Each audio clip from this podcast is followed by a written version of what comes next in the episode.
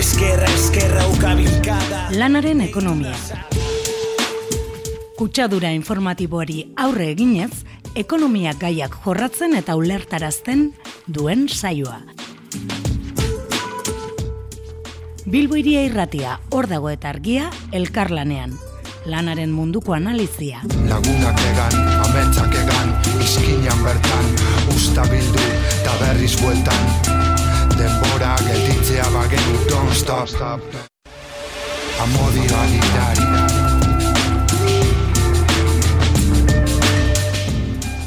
Kaixo lanen ekonomia den entzule guztiei, e, gaur berriro saioa hasiko dugu, nahiko e, gai interesgarriak estatuko ditugu gaurko irratzaioan. Azteko betiko moduan sindikal agenda e, komentatuko dugu, Euskal Herrian emoten diren ba, sindikatuen eta eragile sozialen ba, agenda hemen e, pasaratuko dugu.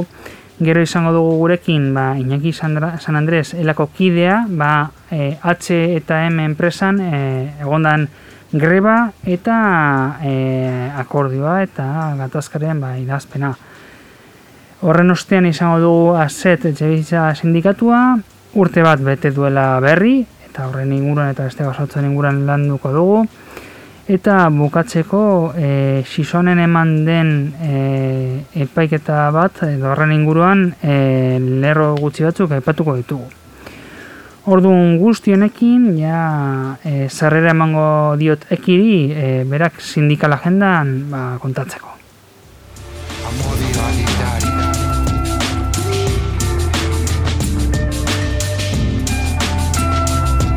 Opa, arrastion, ba, bueno, e, urrengo egunetako deialdekin hasi baino lehen, gogora hasiko dut, badagoela aukera programara audioak bidaltzeko, zuen iritziak edo ekarpenak egin nahi badituzue.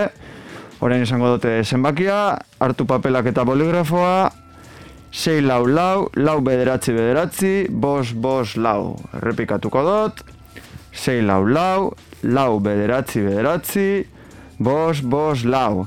Eta zuzenean ditzera animatzen basarie, be, aukera dago, bederatzi lau, lau bi lau, iru zazpi, zero lau. Errepikatuko dut, bederatzi lau, lau bi lau, iru zazpi, zero lau. Eta, bueno, ba, az dezen ba, e, lehenengo gaurko deialdiekin, gaur ekainak e, hogeita lau dituen honetan, Bueno, goizean, patronalen jasarpenaren aurka PCB ITP aeroko langileak e, kontzentratu dira barakaldoko epaitegiren aurrean. Nafarroan, hizkuntza eskubideen aldeko kontzentrazioa izan da amaiketan, Nafarroko parlamentoren aurrean.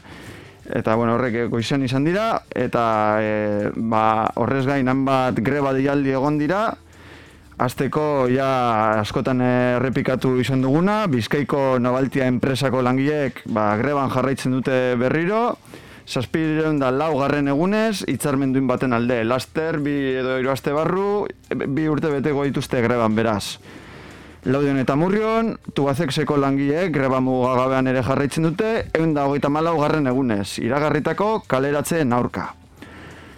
Gazteizen, kaser errezintzako langileak, amaika egun dela matzete greban, hitzarmenaren negoziaketa erreal baten alde. Pero Nafarroa joan da, Nafarroako elektroazeroz enpresako langileen greba muga. Langileek greba muga jarraitzen dut ere, hogeita lau garren egunez, iragarritako hogeita mazazpi lanpostuen zuntzeketaren aurka. Bilbora bultatuz, Bilboko argiak enpresako langileak, haurek berrogeita meretzi egun daude greban, iragarritako kaleratzen aurka.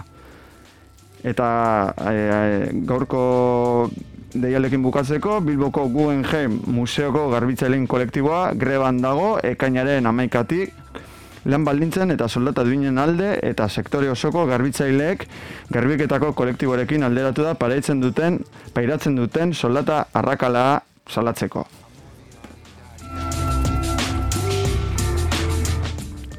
Bihar, ekainako gita bost, Nafarroan, konponketa tailerren sektoreko greba hasiko da, hitzarmena berritzaren alde. Mobilizazioak izango... Barkatu. E, eta gero, e, barkatu, EAN e, hori Nafarroan. EAN merkataritzako greba izango da, elak eta labek dituta, enplegu zuntziketaren aurka eta hitzarmen duen baten alde. mobilizazioak egongo dira, orduan, Donostian amarte erdietan San Martinen, Bilbon amabietan Arriagan, eta Gasteizen amabietan Korte Inglesen.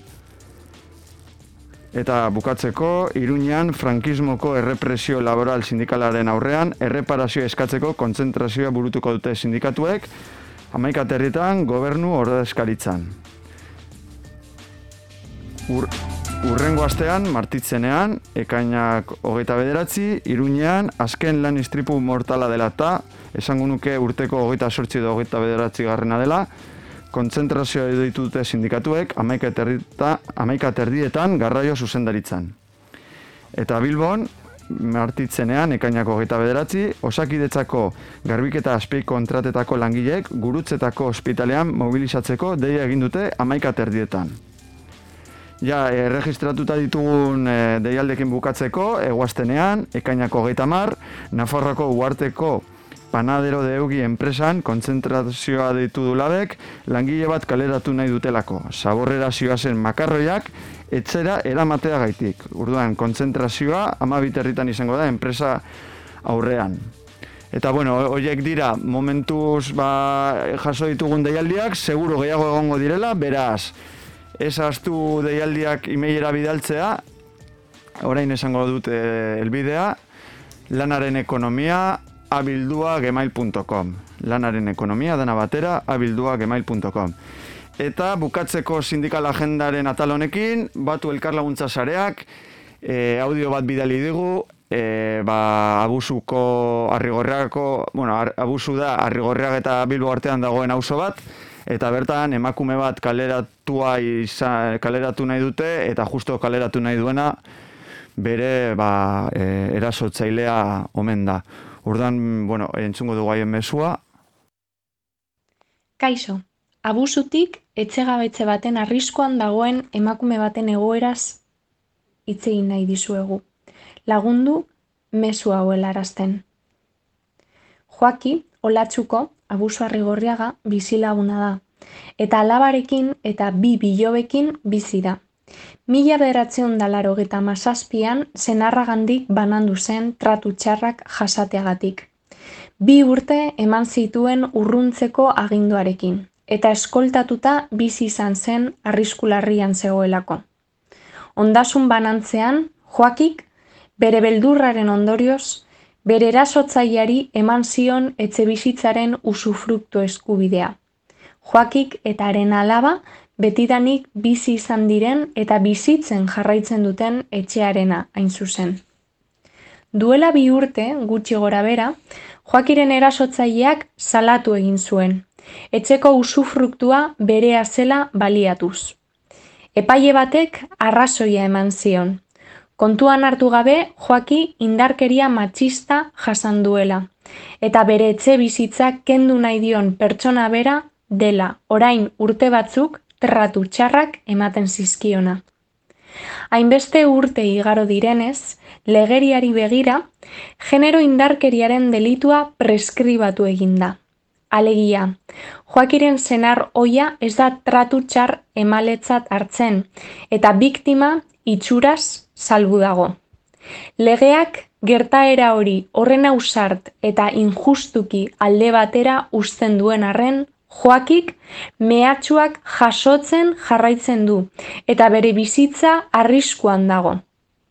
Epaian, epaileak diktaminatu zuen Joakik eta bere familiak 2000 eta hogeta bateko ekainaren hogeta batean joan beharko luketela etzetik eta bere erasotzaia bertan bizi al izango lukela. Erabaki horrek bi ondorio larri ditu. Lehena, Joaki eta bere familia edo zein unetan kaleratuak izan daitezkela epaile batek hala erabakitzen badu. Eta bigarrena, Joakiren erasotzaia edo zein unetan ager daitekela etxean. Honi guztiari gehitu behar zaio bere senarroiak ez diola manutentzio pentsiorik ordaindu Joakiri dibortziatu zirenetik. Ez dugu onartuko auzokide bat bera ere etxetik kaleratua izatea, eta are gutxiago indarkeria matxista jasan duenean. defendatuko dugun etxe honetan indarkeria matxistatik bizirik atera den kide bat egoteaz gain, alaba eta bi bilobak ere bizi dira, eta ez duten ora joan gaur gaurkoz. Epaiaren autoak kontrakoa esan arren, joaki ez doa inora. Injustizia instituzionalaren aurrean, auzo justizia besterik ezaigu geratzen. Hori egingo dugu. Joakeren bizitza eta etxea defendatuz, erasotzaile eta epai ororen gainetik. Gainera, erasotzaileari jakin arazten diogu antolatuta gaudela eta gure kidea defendatuko dugula. Ez diogu inondik inora arriskoan jartzen utziko.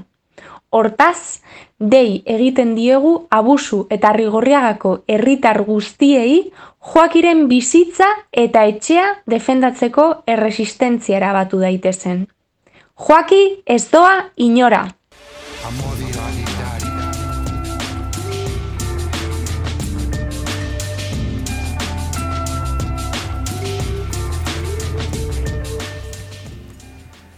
Beno, gaur gurekin dakagu Iñaki San Andres lakokidea, borroka gogor baten ostean izandako ba, arrakasta kontatzeko e, multinazional baten aurka, H eta M enpresaren aurka. Kaixo Iñaki? Apa, arratzaldeon. Bueno, e, esker, eskerrik esko ona etortzea batik, e, baloratzen da hori estudietara etortzera ba, ba, elkarrizketa, elkarrizketa bat egiteko. Eta, beno, eh, ikusi dugu, ba, bueno, UGT eta Komisiones Obrera Sindikatuek bakordio bat sinatu dutela maiatzaren hogeita batean HM eta COS enpresekin.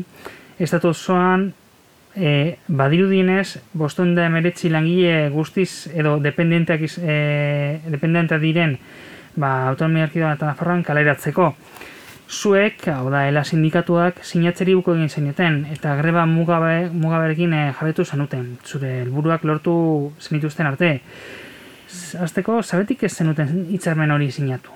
Bo, lehenengo eta agian asalduko dizuet, e, hori, e, boste da emeretzi langile, bueno, edo kalerak eta hoiena, e, egia esateko, e, ziren, e, bederatzi da hogei kaleraketa, e, enpresak e, planteamendu bat eh, lusatu zuen, e, non e, eskaintzen zuen e, lareunda bat e, lanpostu berri, baina lanpostu horiek ziren e, jardunaldi erdian. Hau da, enpresak e, bederatzireun da emeretzi kaleraketa zuzen egin nahi zuen, eta horretaz gain lareunda bat e, kaleraketa e, jardunaldi erdian. Osa, e, jardunaldi osoko edo osoa zeukaten e, emakumeek e, bihurtu nahi zuten jardunaldi erdian. Orduan, e, beraien e, jardunaldi erdian botatzen zuten. Orduan, guk esaten dugu bederatzireun da hogeila e, kaleraketa zirela. E, galetzen dira zuea zerritik e, ez genuen e, e, ba, ere hori sinatu. A ber, e, lehenengo tabin agian azaldu behar da e, horrek le, bueno, legediaren arabera hori sinatzeak zer suposatzen duen. E, hori suposatzen dut onartzen dituzula enpresak emondako argudioak eta gu ez gentozen bat eh, enpresak emondako argudioekin, zeren gure ustez ez zeuden, eta ez bakarri gure ustez, baizik eta e, bilera guztietan komisiones daugetek gauza bera esaten zuten. E, zer gertatu zen? Azkenean beraiek sinatu egin zutela. Orduan, hori sinatzen duzunean, onartzen duzu argudioiek, eta horrek etorkizunera begira e, kalte eraginaldu zergaitik e, etorkizunean enpresak erabilialdu kaleraketa gehiago egiteko. Orduan, lehen gota bin, e, ez gentozen bat e, enpresak e, botatako argudioekin, eta hori dela eta e, guk erabaki genuen e, ez genuela e, sinatu behar. Eta e, horretaz gain, e, enpresa honek e, 2000 emeretzi garren urtean, mila berreun milioiko euroko irabaziak izan zituen. Orduan, e, enpresak aguantatu alzuen inolako problemari gabe. Mhm. Bai, ulertzen duen arabera da, ba, kauz ekonomiko batzuk e, aipatzen zituzten eta antolak eta ere edo ez? Ez, enpresa zen e, ausartu hori aipatzen, zeren jakin bazekien e, e, hori galdutzat e, izango zuela e, paitegiaren aurrean. Orduan, enpresak erabili zituen argudioak izan ziren e, produktiboak. Produktiboak, bai, produktibitate eta... Bai, e, bueno, enpresak gauza bi esaten zuen. Alde batetik enpresa, bueno, enpresa parkatu, e, denda batzuk, errentagar onargarriak ez zirela, orduan estatu maila osoan zehar hogeita mar denda itzi nahi zuen, eta horretaz gain gero erabiltzen zuen e, online salmenta. Zaten zuen e, online salmenta haunditu egin zala eta e, zuzenian emondako salmenta gitzitu egin zan. Baina ez dugu astu behar zenolako urtetan, e, bueno, badaramagu urte bat tapiku, e, COVID dela eta e, zenolako urteak izan ditugu. Orduan e, hori enpresak erabiltzen zituen argudioak, e, bueno, aguanta ezinak ziren. Bai, ba, ba hau geratzen da santzu horretan, eta um, apurota honi lotuta, hau da, enpresaren azken helburua zen izan da, e, kaleratzez gen badago beste epertain luzera epetu duzu moduan helbururen bat, edo hori ez da baina argi. A ber, e, gure ustez e, enpresak e, gauza batzuk nahi zituen, lehenengo eta behin, e, gero eta diru gehiago irabaztea, eta le, gero eta lanpostu gehiago zuntzitzea. E, horretaz gain bebai, e, hasiera baten enpresak e, e, erean planteatu zuen e, argudioen artean, esaten zuen, e, bueno, edo joan nahi zuen e, murrizketa zeukaten e, emakumeen kontra. Hau da, e, umeak izateagatik, e, amabi urte berako e, umeen gatik, zuke e, erabaki alduzu murrizketa bat izan, horrekin batera e, soldata murrizketa bebai badator, baina aukeratzen duzu zenolako e, jardunaldia egiten duzun. Orduan, enpresak e, hasiera bateko kontuan e, e, makume hoien kontra jotzen zuen zuzenean. E, egin genituen bileretan, eta ez bakarrik e, maiko bileretan, maiko esan nahi dute, ere honetako bileretan, baizik eta gero beste mai bat sortu egin zan, e, gu greba deitzen dugunean, e, legediak esaten dau, e, greba komite bat sortu behar dela. Eta enpresa derrigortuta dago greba komite horrekin e, negoziatzea, oza, negoziatzeko, ea e, lortzen duten e, greba ekiditu edo akordi batera llegatzea, ba, greba bertan bera usteko. Orduan, greba komite hortan, gu behin da berriro esaten genuen, enpresa jotzen zuela e, emakume zeukaten e, e, murrizketen kontra. Eta hori legediak ez du onartzen, orduan e, beraien eskubideen kontra jotzen zuela, eta enpresa konturatu zanean, hildo horretatik baldin bazi joan e, epaitegietan galduko zuela bai alabai, orduan e, mai gainetik kendu egin zuen eta baster, bueno, bastertu, e, zentzu honean esan nahi dut, e, ez, e, esan zuen e, murrizketa zeukaten e, andrek ezin zirela kaltetuak izan e, prozedura hontan. Orduan, mm -hmm. hasiera baten, enpresaren helburua zan, e, murrizketa zeukaten emakumeen kontra jotzea, beraien lanbaldintzak okertzeko. O, enpresak honekin e, bilatzen duena da, lanbaldi, edo bilatzen zuena zen, lanbaldintzak e, okertu. Baina, nahiko larria, supuesto dut enpresa honek e, egingo duela Purple Wesen edo martxoaren sortzian jarriko duela hainbat emakume bere karteletan eta propaganda, baina gero ebeltzen duen politika ba, justo kontrakoa.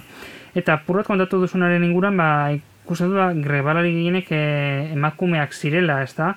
Horrek, prozesu, lan, prozesu osoak nora eragin du eh, guztiak emakumeak izatea, eh, baita ere, ba, enpresaren proposanak, proposanak horrepatu duzu, ba, bueno, eh, zer zana ziren plantatzen zena, eta hori, ba, genero perspektibo batekin, batetik, nola eh, azaldu daiteke baita ere gatazka hau eta gatazka honek izan duen arrakasta? Vale, e, lehenengo eta bai, bere balariak iaia euneko laro magostean e, emakumeak ziren. E, nik uste dute enpresak nahi zuela, bueno, edo ez zuen espero e, e, greba izan duen e, erantzuna izatea edo oi hartzuna izatea. Hau da, e, berrogeita mabi egun greba egin dute, berrogeita amabi egun greba horietan enpresa itxita egon, oza, dendak itxita egon dira, ego euskal herrian e, bederatzi denda daukate, eta denda guztiak itxita egon dira. Eta e, enpresa e, ez du inolako tekinikatera e, prozedura hortan. E,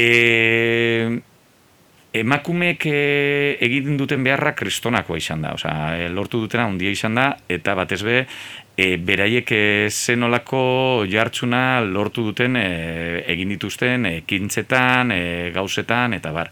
Eta nik uste dute, enpresak ez zuen olako erantzunik espero, eta segurunez ez zuen espero emakumeak zirelako. Orduan, hau da, e, enpresak bai e, horrekin jokatu egin du, nahi zuen emakumeen kontra jotzea, e, oso zuzen beraien kontra jotzea, eta ez du lortu, ba, beraiek e, mai gainean jarri behar zuten guztia eta gehiago jarri dutelako. Mhm. Eta, beno, eh, orain eh, langile hauek, emakumea diren grebalariak, maila alnimikoan zen aurkitzen dira, ba, loko horrakazta batek, ba, esango du eh, eragin bat, ez da, antolaketa mailan agian ze prozesuan geratatu dan, eta purota, Bale, greba irabazi da, kaleratzeak ekidin dira, hori gaur egun e, azpimarratzekoa da, ez da erraz hori lotzea, baina mendik aurrera zen izan daiteke planteamendua.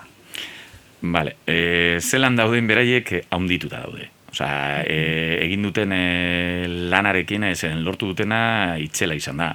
Osa, e, kasuntan e, gu Madrilgo mailan e, amairu pertsonatik bakarra genukan. Osa, pertsona bakarra genukan, eta lortu egin dugu e, multinazional bat e, ona etortea negoziatzera, osa, behartu dugu hori egiten, e, eta e, lortu egin dugu guka hasieratik esaten genuena, eta zan e, e, irtengo dan jendea bolondresa izango zala.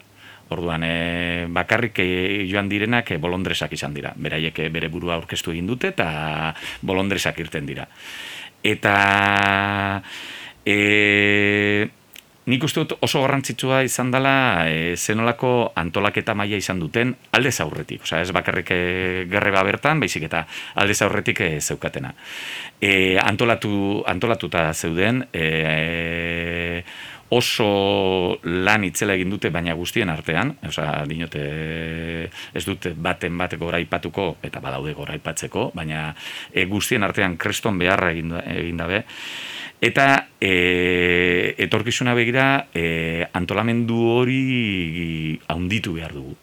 Haunditu behar dugu zer gaitik, zeren e, enpresak erabili duen e, aitzaki bat izan da online e, kontua. Eta online, online kontua dela eta ikusten dugu gerota gehiago salduko dela online etorri da geratzeko, eta gerota gehiago salduko da online etaz. Orduan, e, seguruenez, emetik e, bi iru urtetara, e, enpresa berriro etorriko da, gai hori aipatzen, kalerak eta gehiago egiteko. Eta guk ez, ezin dugu hori hartu.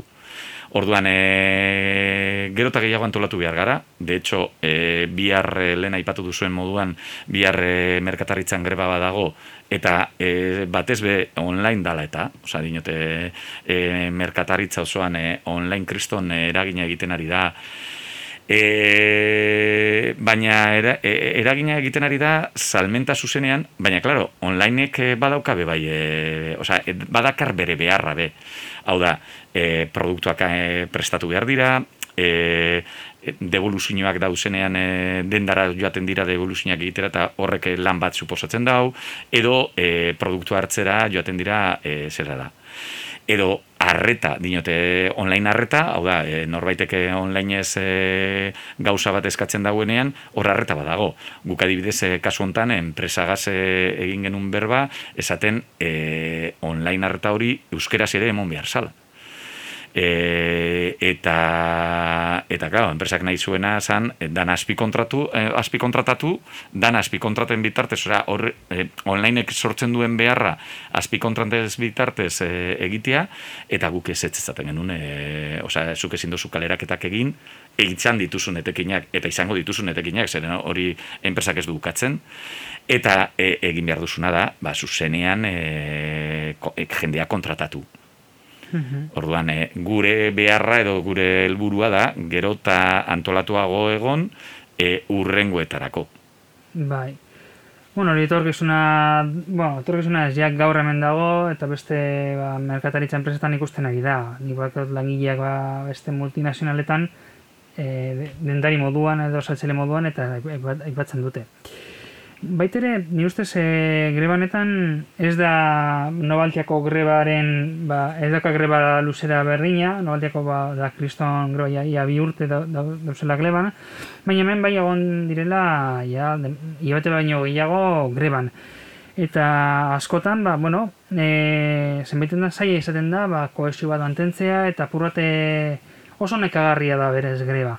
Hemen, En, zer kreditu eduki, edo zer izan dute, zer motivazio izan da, edo zer, zer bultzatu du kohesio batera eta e, greba hain luze bat e, aurrera eramatera? A ber, e, lehenengo eta behin e, soli- solidaritatea. Dinot, e, jendeak e, bestearen buruan jartzen, edo e, bestearen e, buruan jartzen da, eta jakin badaki e, gaur berari dagokio, baina da, da, bihar agian niri da, datorkit. Eta e, printzipioz, hori oso garrantzitsua izan da. Gero bestetik e, jendea konturatu egin da, hau gaur e, Holanda, baina bihar enpresa gehiagorekin etorriko da, eta orduan e, em, mm, burrukatu behar da e, elburue, osea, helburuak lortzeko. Eta beraiek zeukaten helburuak oso argiak ziren, eta gaur egin duten lanarekin lortu dute bebai etorkizunera begira enpresa baldin badator jakiteko zen olako erantzuna izango duen. Orduan, bitan pentsatuko du eh, berriro egin nahi badau. Eta nik uste dute hori oso garrantzitsua izan da, jendea oso kontzientziatuta zegoen e, zetorrenarekin, jendea jakin badaki e, burrukatu behar dela zerbait lortu nahi baduzu burrukatu behar duzula, eta beraiek e, besteen buruan jarri dira eta eta- eta hori lortu egin dute. Mhm. Eta, mm, bueno, beste gauzen duten, zer remintak lagundu, lagundu dute greba luz honetan? Bueno, ba, lehenengo eta behin e, e, emakumeen antolankuntza. Osa, dinot, hori oso garrantzitsua izan da, beraiek antolatua egotea eta e, oso argi izatea zenolako helburuak nahi genituen, eta gero funtsezkoa izan da erresistentzia kutsa. Osa, dinot, e, jendea, hau, osa, langile hauek e, ez dute diru larregi kobratzen, Eta orduan e, beraien e, diru iturri bakarra no, batzutan hori da. Orduan e, beharrezkoa da bebai ba, hori mantentzeko e, diru iturri bat izatea eta orduan e, erresistentzia kutsa oso garrantzitsua izan da. Eta, bueno, bukatzen joteko, mm, egon nintzen beste gunan bipasatzen ba, sindikatuetatik jasotzen ditugun posta elektronikoa ba, biratzen, eta ikusi neban bat, e, komisionero sobre sindikatorena, zeinean, ba, aipatzen zuen, a ber, e, greba, bai, baina akordia Madriden sinatu zela, eta akorde hori komunitiziones eta UGTek sinatu zutela. Haiek zirela, apur bat horrela ulertzen zen, haiek zirela, ba, akordiren gurasoak. Eta e, harritu eta utzi ninduen, ikusita, ba, bueno, beste alde batetikan, ba, bertan emon zen antolakuntza eta elak planteatzen zuen, ba, arrakasta.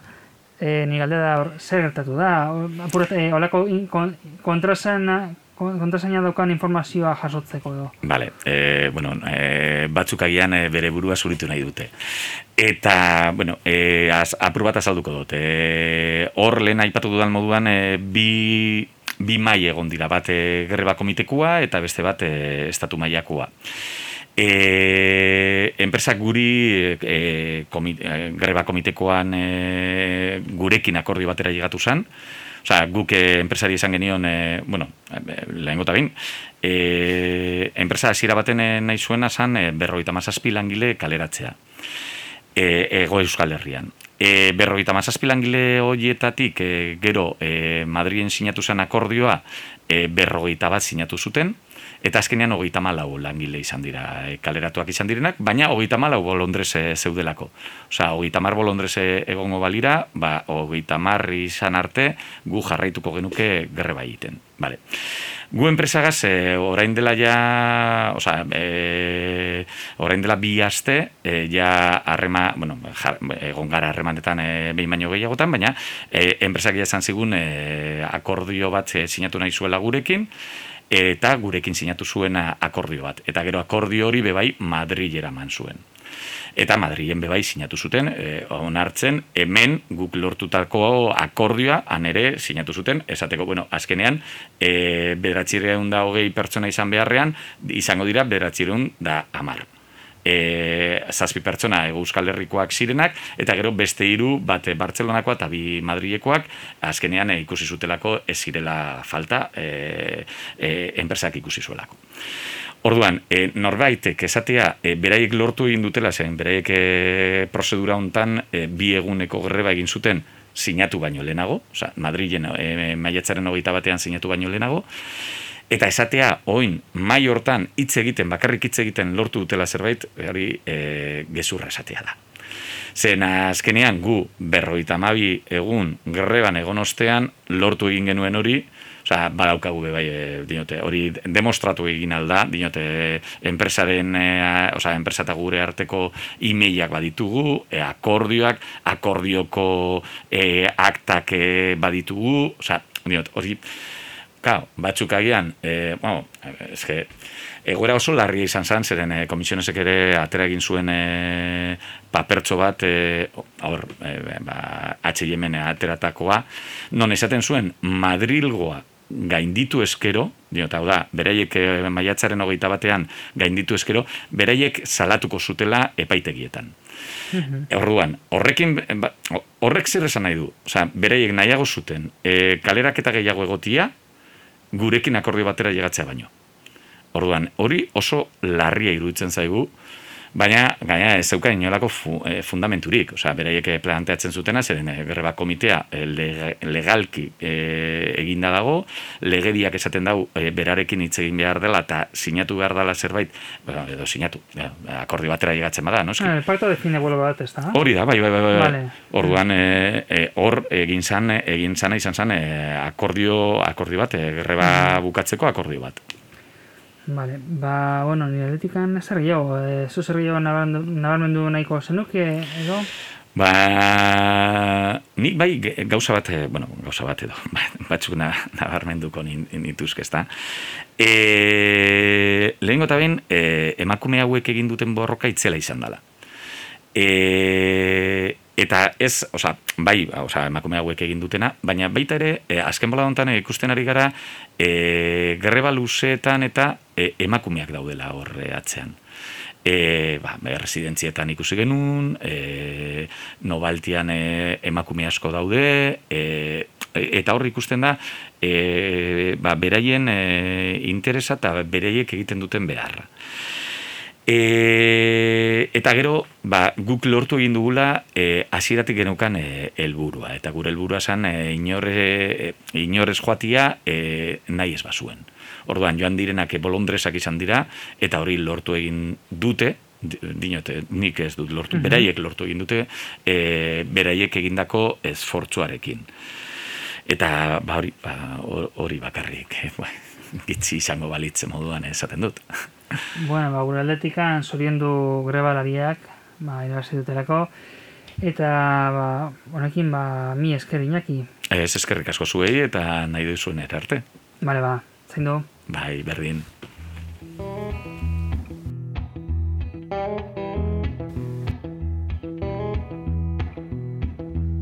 There's a man, he wakes up every morning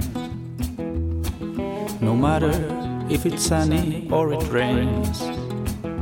Takes his fiddle, stands by the highway. No one seems to really care. Keeps on playing, would never get tired. It's that someone sin again.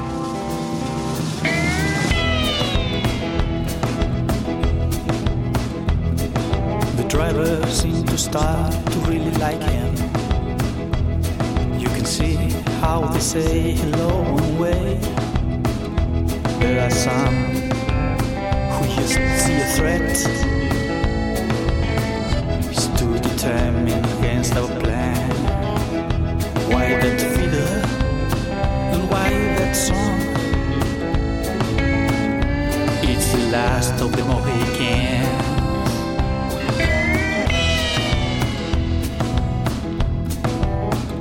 They wanted to know who's that stranger? May we join and be his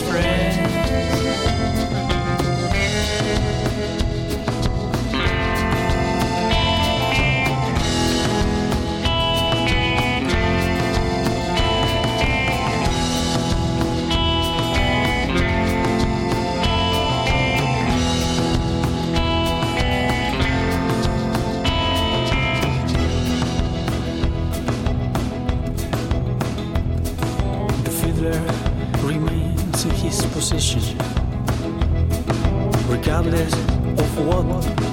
recommend is either lost cause or just his convictions. No one seems to really care, but he keeps on rocking his seat for a free world.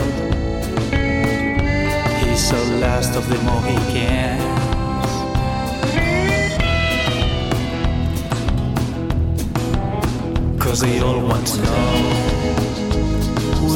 Stranger. He's the last of the Mohicans. Ba, bueno, jarraituko dugu lanaren ekonomia saio honekin. E, bueno, aldatuko dugu, orain elkarrizketa aldatuko dugu gaiaz, pasatuko gara etxe bizitzara. Izan ere, ba, orain dela pare bat aste aldezarreko azet etxe bizitza sindikatuak ba, bere lehen urte urrena bete zuen, ur, antza, ba, urte intentsoa izan dute, eta, bueno, hemen dugu Ane Salvador, azeteko kidea, eta pues, apur bat kontatuko digu zertan adiren. Kaixo, Ane? Kaixo, arrastian. Arresteon, e, bueno, ba, azteko azaldu ezaguzu apur bat gainetik zer dan azet, zer, bakigu, bueno, esan dudalako etxe bizitzaren, etxe bizitza sindikatu bat zaretela, baina, bueno, horrez gain zentzuk izango liratza- lirateke, ba, zuen berezitasunak edo. Bale, bueno, ba, e, azete duela urte bete jaio zen, esan duzun moduan, eta aldezarrean, Sanfranen eta Bilbozarrean lan egiten duen etxe bizitza sindikatu bat da. Eta, bueno, gure lana holan e, gainetik edo azaletik azalduta, litzateke, ba, etxe bizitzarekin zer ikusia duten arazo individualei, ba, irten bide kolektiboak ematea, ez? E, eta bueno, ba, gure haune honetan e, borroka sektoriala da, baina la ere ikuspuntu integrala, integralago baten baitan kokatzen dugu gure lana, ez? Ulertzen dugulako ba, etxe bizitzaren e, arazoa estrukturala dela, eta beraz, ba, sistema edo gizarte kapitalista baten baitan e, etxe bizitzaren problematika konpontzea edo arintzea ba, ezinbestekoa izango, ezin, ezinezkoa izango zela, ez? Eta, bueno, ba, horregatik e, etxe bizitzarena borroka sektorial moduan ulertzetik aratago, uste dugu e, etxe bizitza arrakala edo grieta bat dela, ba, gure auzoetan klase borroka pizteko, e, desjabetuak antolatzeko eta ba, klase kontzientzia edatzeko. Eta, bueno, ba, helburu honekin eta honetarako duela ja urte bete e, jarri genuen martzan etxe bizitza sindikatua. Mhm. Eta, bueno, ba, urte bat pasata zein da egiten duzuen valorazioa, ba, egindako borrokaz eta ze, ze frutu eh, eman ditu urte honek. Bueno, ba, e, oso pozik gaude urte beteko lanarekin, baina uste dugu oraindik ere goiz dela benetako valorazio bat egiteko, ez? Eta denborak erakutziko digu ea honek, ba, benetan fruituak e, eman dituen edo edo ez. Eta, bueno, ba, kasu zehatzei dagokionez, e, zenbait garaipen txiki izan dugu, eta hauek uste dugu garrantzitsuak direla, ez? Eta, e, bueno, erakutsi digute nolabait ba borrokak edo egiten dugun lana merezi duela, ez? Ta bete esaten dugu azkenean garaipenak eh, ez ditugula soilik eh, garaipen individual moduan eh, ikusten baizik eta ba klase osoarentzako eh, garaipenak, ez? Hor- Horregatik ba eh, garaipen bakoitzak eh, aurropa, aurrepasu txiki bat izan da, ez bakarrik guretzako, baizik eta ba borrokan gauden guztiantzako. Eta, bueno, gero bestalde kasu eta gatazka zehatzetatik aratago, ikuste zinagoa den eh, lan horretan, ez, izango zena ba, komunitate politiko bat sortzen e, joatearena, ba, uste dugu e, aurrepasu txikiak eman ditugula ere, ez, azkenean ba, gizarte kapitalista e, honetan bizi dugun individualizazio prozesu e, apurtzeko ba, urratzak eman ditugula, ez, eta uste dugu ba, hau ere, bueno, oso modu positiboan baloratzen dugu azkenean ba hori beti esaten dugu gure helburu nagusia kasu zehatzetatik aratago ba komunitate politikoa e, sortzea dela. Ez egungo beharrak ez direlako bakarrik materialak ez? Badi- baditugulako ere behar sozial batzuk. E, direnak ba hori e, harremantzeko beharra bakardetik ateratzeko beharra eta orduan gura postua hori behar materialei erantzuten diegun bitartean ba beste behar mota hauei erantzutea izan da, ez? Eta uste dugu ba urte bete denbora gutxi dela hau lortu dugula esateko eta uste dugu lan hau epe luzera begira planteatu beharreko lana da baina, bueno, uste dugu ba, urte honetan zehar, ba, urrat txiki batzuk eman ditugula, eta behintzat, ba, hemendik aurrera lanean jarraitu alizateko, ba, zitzo bat landatu dugula, orduan, ba, hori, valorazioa positiboa da, eta oso posik haude egindako lanarekin. Eta orduan zeintzuk dira orain dituzuen erronkak edo, e, ba, zuzer aldatu da, aldatuko da orain sindikatua zerbaitetan edo jarraituko duzue oraingo, oraingo martxan edo... Bueno, ba, e, orain dikure ibilbidea laburtzoa da, ez, eta orduan ba, momentuz daukagune erronka nagusia ba, proiektua indartzen eta edatzen jarraitzea da, ez. Datorren urtera begira bai daukagula helburu moduan ea zetu herribiltegia indartzea eta zabaltzea ere, eta bueno, ari ontatik dira kapur bate pertainera edo teluzera, ba, gure apostua da gero eta egitura popular gehiago e, ez bakarrik sortzea, baizik eta zaretzea eta eta artikulatzea, ez? Apurka apurka ba desjabetu on beharrake antzematea eta beharra hauei ba erantzun kolektiboak ematea. Eta, bueno, e, apur bate sindikatutik aratago ba, ikusten dugula ba, gaur egungo kojuntura nahiko latza dela, zaurretik dugun etorkizuna nahiko e, iluna dela, ikusten dugu ere, ba, krisi sistemiko honetan e, etxe bizitzak nola baiteko zentraltasun bat hartuko duela, eta gero eta jende gehiago e, izango dituela arazoak etxe bizitzarekin, ez? Eta, bueno, hau uste dugu ba, modu ezberdinetan azaleratuko dela, alde batetik kaleratzen masiboak egongo dira, ja, hasi gara ikusten, mm zoritzarrez, eta gero bestetik ba, e, ofensiba kapitalista barlo legal eta errepresioan ere etorriko dela, ez? Eta ere ari gara ikusten, ba, okupazioaren kontrako legeekin, e, edo langileen interesen alde lan egiten duten e, mugimendu ezberdinei ba, aplikatutako errepresibarekin. Ordan, etxe bizitza sindikatu badai, baina apur bat perspektiba aragoko perspektiba batekin, ez? Ez soilik etxe bizitza arazoa konpontzera bideratu baizik eta pues, bueno, komunitatean eren eraikuntza, klase borroka uspotzea eta ez? Hori da, hori da. Eta, bueno, hori ikusten dugu zelan, ba, etorkizun ilun honetan, ba, hori, importantea dela e, borrokak e, artikulatzea eta saretzea, eta naizta borroka sektoriala izan gurea, ba, hori, e, begira da apur bat e, aratago jartzea esan duzun moduan. Ondo, eta, bueno, orain ja kasu konkretutara jota, orain dela gutxi argitaratu duzue, ba, zelan azpia lokatzeile batek, azeteko kide ba, bat, bueno, ba, modu ilegalean kaleratu duela, gainera ez duela ez dizkela bueltatu bere gauzak. Ba, hor zer, zer gertatu da, hor, eh, zer, zer... Bai, ba, behitu, esan duzun moduan, ba, gatazka e, honetan, e, aurrean e, izan duguna, e, eta gure kidea modu ilegalean e, etxegabetu duena, zubarrendadore bat izan da, e, eta kontua da, ba, bueno, gure kideak denbora bat zeraman, e, zeramala etxe batean bizitzen, kontratua eta padrorik gabe, ekide askoren modura, eta ba, egun batetik bestera etzera itzultzerakoan ez zioten sartzen utzi. Bere gauzak eatarian aurkituz, ez? Eta, bueno, ba, gaur egun gure sindikatuko kide dena, e, ez du etze horretara itzuli nahi, baina e, eskatzen du, ba, zorbion e, mensualidadea eta bere gauzak itzultzea, ez?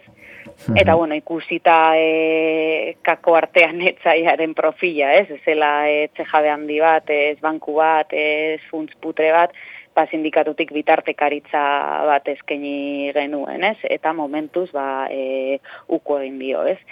Eta, ba, askotan horrelako gaztazketan pentsatzen dugunean, ba hori, edo etxaian pentsatzen dugunean, ba, beti imaginatzen ditu, ba hori, etxe jabe handiak, edo funtzputreak, edo olakoak, baina hau ere beste realitate bat da, ez? Eta ikusten ari gara zenan e, krisi garaian gero eta gehiago ematen den, ez? Eta dira, ba hori, e, ba gure klase berekoak diren pertsonak, zaizugarrizko pauperizazio prozesuak sufritzen ari direnak gure moduan, e, baina langile klase moduan identifikatu eta lerratu beharrean, ba haiek baino okerrago daudenak jasartzen dituztenak, ez? Haiengatik probetzu eta eta etekin bat ateratzen eta etxe bizitzaren alorrean ba oso argi ikusten dugu zubarrien duen kasuetan. Mhm. Ba, hori zelan gehienak era erregularrean egiten diren, inolako bermerik gabe, e, padroiagatik kobratzen, kontratuagatik kobratzen, eta barreta barrez. Eta mhm. hori, bapur bate egiten dugune irakurketa kasu honetatik aratagoa da, e, ba, bueno, krisi garaiak, inflexio puntuak e, e, direla eta izan direla beti, eta bueno, ba, momentu honetan lan egin behar dugu precisamente ba, krisiak hartuko duen eh, norabide politikoa zehazteko, ez? Ze, a ber, zer, eto, zer izango den datorren eh, urtetan gaienduko dena. Ia izango den pobreon arteko gerra, no, la guerra entre pobres edo klase borroka, ez? Azken finean ikusten duguna da langilea izan da, e, ez baldin bazara zure klasearekin lerratzen, geratzen zaizun beste aukera da, ez? E, fasismoa, arrazakeria eta pobren arteko gerra egitea kasu honetan moduan. Orduan e, uste dugu, ba, olako gero eta kasu gehiago ari garen, ari garen ez izaten, ba, momentua dela kontra esan hauek e, maigainean jartzeko. Ja, ze, bueno, askotan e, ulertzen dugu etxe bizitza arazoa sortzen dutena direla hori basuk dinosa etxe jabe handiak eta ordan pues aurpegirek ez duten pertsonak, ez? Baina azkenan direnean ba igual zure klase bereko jendea ba Bai. txokatzen du eta gero gainera hori kudeatzeko ba imaginatzen dut saiagoa edo bueno, saiagoa edo kontra esankorragoa izango dela, ez? Hori da, guztiz, guztiz. Besteak ere badira, eh? baina badago ere beste perfil bat, Hmm. e, gertuagoak direnak eta existitzen direnak eta gure auzo berean bizi direnak, eta bueno, ba, arazoa baldin badira ere, ba, honi buruz hitz egiten hasi beharko gara. Bai, bai. Oso ondo, ba, bueno, e, bukatzeko zer gehiago nabarmendu nahiko zenuke... E, ez, eskerrak ematea tartetzonengatik eta bueno, ba, kalean elkar ikusten jarraituko dugula. Bale, ba, eskerrik asko zuei parte hartzagaitik eta urrengora arte. Bale, ba, mi esker, agur.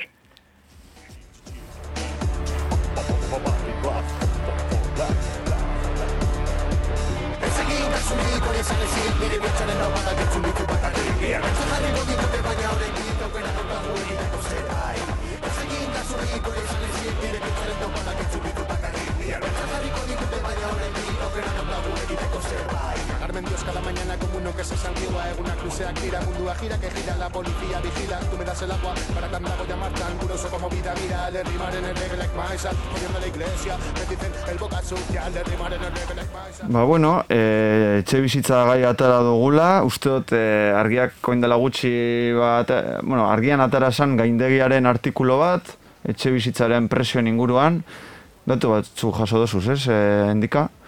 Bai, hor e, datuen artean e, ikusten dan evoluzioa edo joera da gero eta presalduak direla, eta bueno, dire- dituzte azterketa e, Euskal Herri kontinentalean eta Euskal Herri penintsularrean.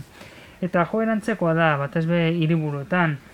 Horren ondorioz gero eta zailago egiten da, ba, alde batetik etxe bizitza erostea, baina baita ere alokatzea. Eta alderatzen badugu, ba, soldaten, eh, datu ez dut aipatzen, baina bai, bere datu basean badago dot soldaten ba, bataz bestekoak eta horrelakoak, ba, ikusten da nola da soldatak ba, berdin edo muruztu diran, baina bidean, ba, hartzen badugu Bilbondia, Miarritz edo, bueno, Bayona, Biarritzetan gelu, Donostialdea eta olako leguetan, gero eta e, zailagoa dela etxe bizitza lokatzea. Nez eta koronavirusaren krisi egot eta, eta gertu den guztionekin.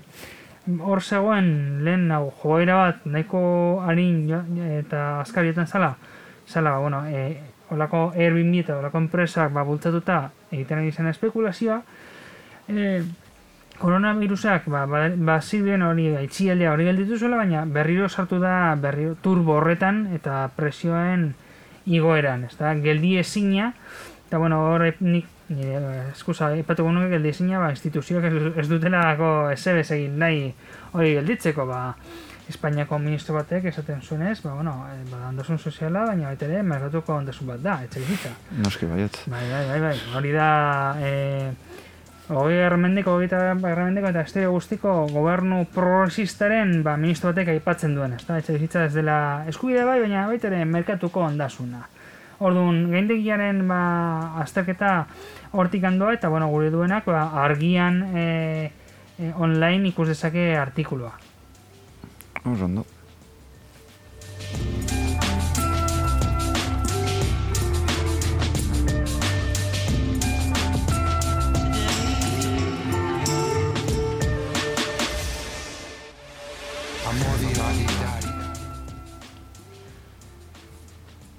Bueno, e, apurate gaia saldatuz, e, izan, e, jaso dugu, bueno, gaur izan berri bat, e, Espainia estatu, bueno, Asturiasen, hor, ba, Sisonen, ba, irurte eta erdiko gartzela zigorra, ba, ez ere zaiela, zeneteko zazpi sindikalistentzat. E, bakoitzari, irurte erdiko gartzela. Ba, jaikon gola, Suiza gozotegiren horrean egindako elkarretaratzen gatik.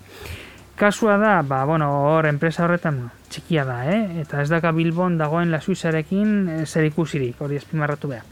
E, hor, egon zan, ba, e, ba, jefe hor egiten zuen lan jefe bat, eta langile bat, emakumea sana, eta hor, e, abusuak izan jasan zituen, abusu sexualak, eta horren hori zela eta, ba, bueno, salatu zen eta epaiketa bat egon zen, esan zuena, ba, bueno, ezin zela abusu hori frogatu, askotan gertatzen den moduan, baina sindikatuak elkarretaratzeak egin zituen, ba, egoera, ba, egoeri ikrenbidea bidatzeko.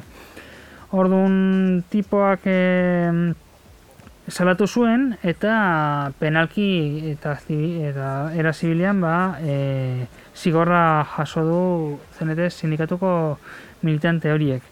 Azpimarratzekoa da, ba, em, epaia izan dela Lino Rubio Maio, agian izenaz ez ezaguna da, baina bera ezaguna da han Gijonen eta estudia zen, ba, intxumuitxoei ba, gartzela, gartzela daten zituelako, eta baita ere, ba, sindikalistei ba, emandako epai gogorren gatik, eta hor badago kasu bat ezaguna da, dena kandidata morala, Los lunes al sol filmak eh, inspiratu zuen nabalki joaneko sindikalistas, da, ba, berak baita ere eh, sindikalista hauek epaitu zituen. Eta horren ondoren, ba, e, e, baitu ditu eta gartzela, bueno, e, espetxe zigorra jarri die. Baita ere, azpimarratzekoa da, ba, e, defentzaren abakoto izan dela Javier Gómez Bermúdez, ezaguna, ba, usetegin nazionaleko, ba, zigorra loko presidente hoia, eta e, hor badagoen ba, gauza da, nola e, enpresari txiki batek olako e, abokatu bat ordendu dezaken. Ba, berak e, aipatzen zuenez, ez zuen e, ez da bosten euroian garbi kobratzen enpresari moduan. Orduan, hor e, sindikatua salatu du dela muntai bat, ba, sindikalismoaren aurkako muntaia, eta bilatzen ari dena da e, ba, jendari beldurra sartzea. Esan ez kontuz, sindikalismoa egiten badozue, espetxera joango jateko ba, arriskoa dago. Orduan hor e, ba, salatzen dugu ba, hor gertatu dena, bai e, gartzela zigorra horiek, ez dira gartzelan sartuko, ba, epai honek egin duelako da e, bitan banatu e, zigor horiek, esan ez ba, urte bat eta bedatzi bete, eta gero beste partea horrela bi kondenan jarri, eta horrela teorien ez direlako gartzen sartuko, baina hori ja e, e, epaiketa eta zigor espetxea hor dago e, haientzako. Eta baita ere eskatu du, e, uste dute, eunda berroeta mila euroko kalte ordaina. Orduan nahiko turbia da gaia eta gehi, e, gainera gitu dugu ba, enpresarienek ba, lotura zuzena dago ba, ba, eskuina eta ultraskuinarekin Eta susmo dira ba, e, alderdi horiek ordendu dietela ba, abokatu izar hori, ezta. Orduan salaketa egingo da, errekurriketuko da, eta datozen asteotan ba, mobilizazioak hasiko dira e, ba, e, guzti hau atzera botatzeko.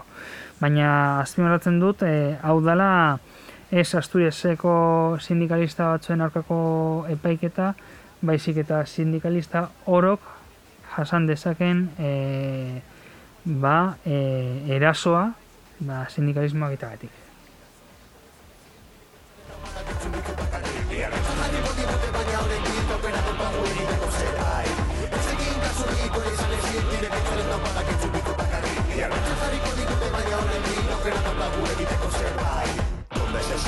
Ba, bueno, e, ja maitzen dugu saio hau, e, seguramente ba, iraia arte azkena izango da. Orduan, ba, espero dut zuen guztokoa izatea. Eskerrik asko hartu zuen, parte hartu zuen guztiei, bai Iñaki San Andres eri, e, pues, elak eraman duen borroka saltzea gaitik, Ane Salvadorreri ba, aseteko kidea den inan, ba, ba, bueno, asetek egiten duena saltzea gaitik, endikari, eta aneri ba, esmandutan egoetadik, betiko lez, eta zelan ez, ba, e, lanaren ekonomiako e, entzule guztiei. Ba, bueno, gogoratu e, saio hau e, podcastean egongo dela e, webgunean e, eskuragai, bihartik aurrera, e, pues, ondo segi, eta jarraitu borrokan. Lanaren ekonomia. Kutsadura informatiboari aurre eginez, ekonomia gaiak jorratzen eta ulertarazten duen saioa. Bilbo iria irratia, hor dago eta argia, elkarlanean. Lanaren munduko analizia. Lagunak egan, ametsak egan, izkinan bertan, usta bildu, eta berriz bueltan. Denbora gelditzea bagenu, don't stop.